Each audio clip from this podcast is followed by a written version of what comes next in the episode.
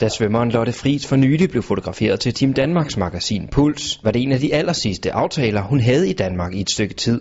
For svømmeren har nu pakket badedragten og sat kursen mod den franske by Nice. Jeg flytter over til Nice for, øh, for at træne dernede øh, fast, og øh, for at få noget inspiration og få nogen at, at træne imod.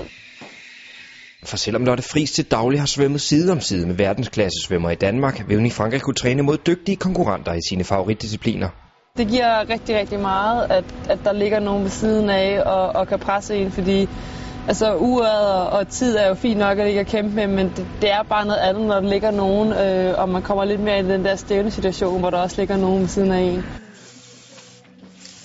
En af dem danskeren kommer til at træne sammen med, er veninden Camille Mufat, der er regerende olympisk mester på 400 meter fri. Et løb, hvor Lotte Friis blev nummer 4. Når man ligger ved siden af en olympisk mester, så bliver man måske også lidt mere motiveret. Det bliver virkelig, virkelig fedt at få lov til at komme ned og træne med, med nogen, der har så højt niveau, og så er det jo en, en crawlgruppe, hvilket jo også er, er rigtig godt for mig.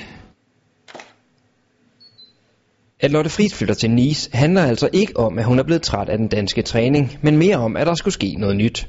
Jeg synes, træning her i Danmark er rigtig god. Jeg har rigtig godt forhold med Paulus og til de andre svømmere.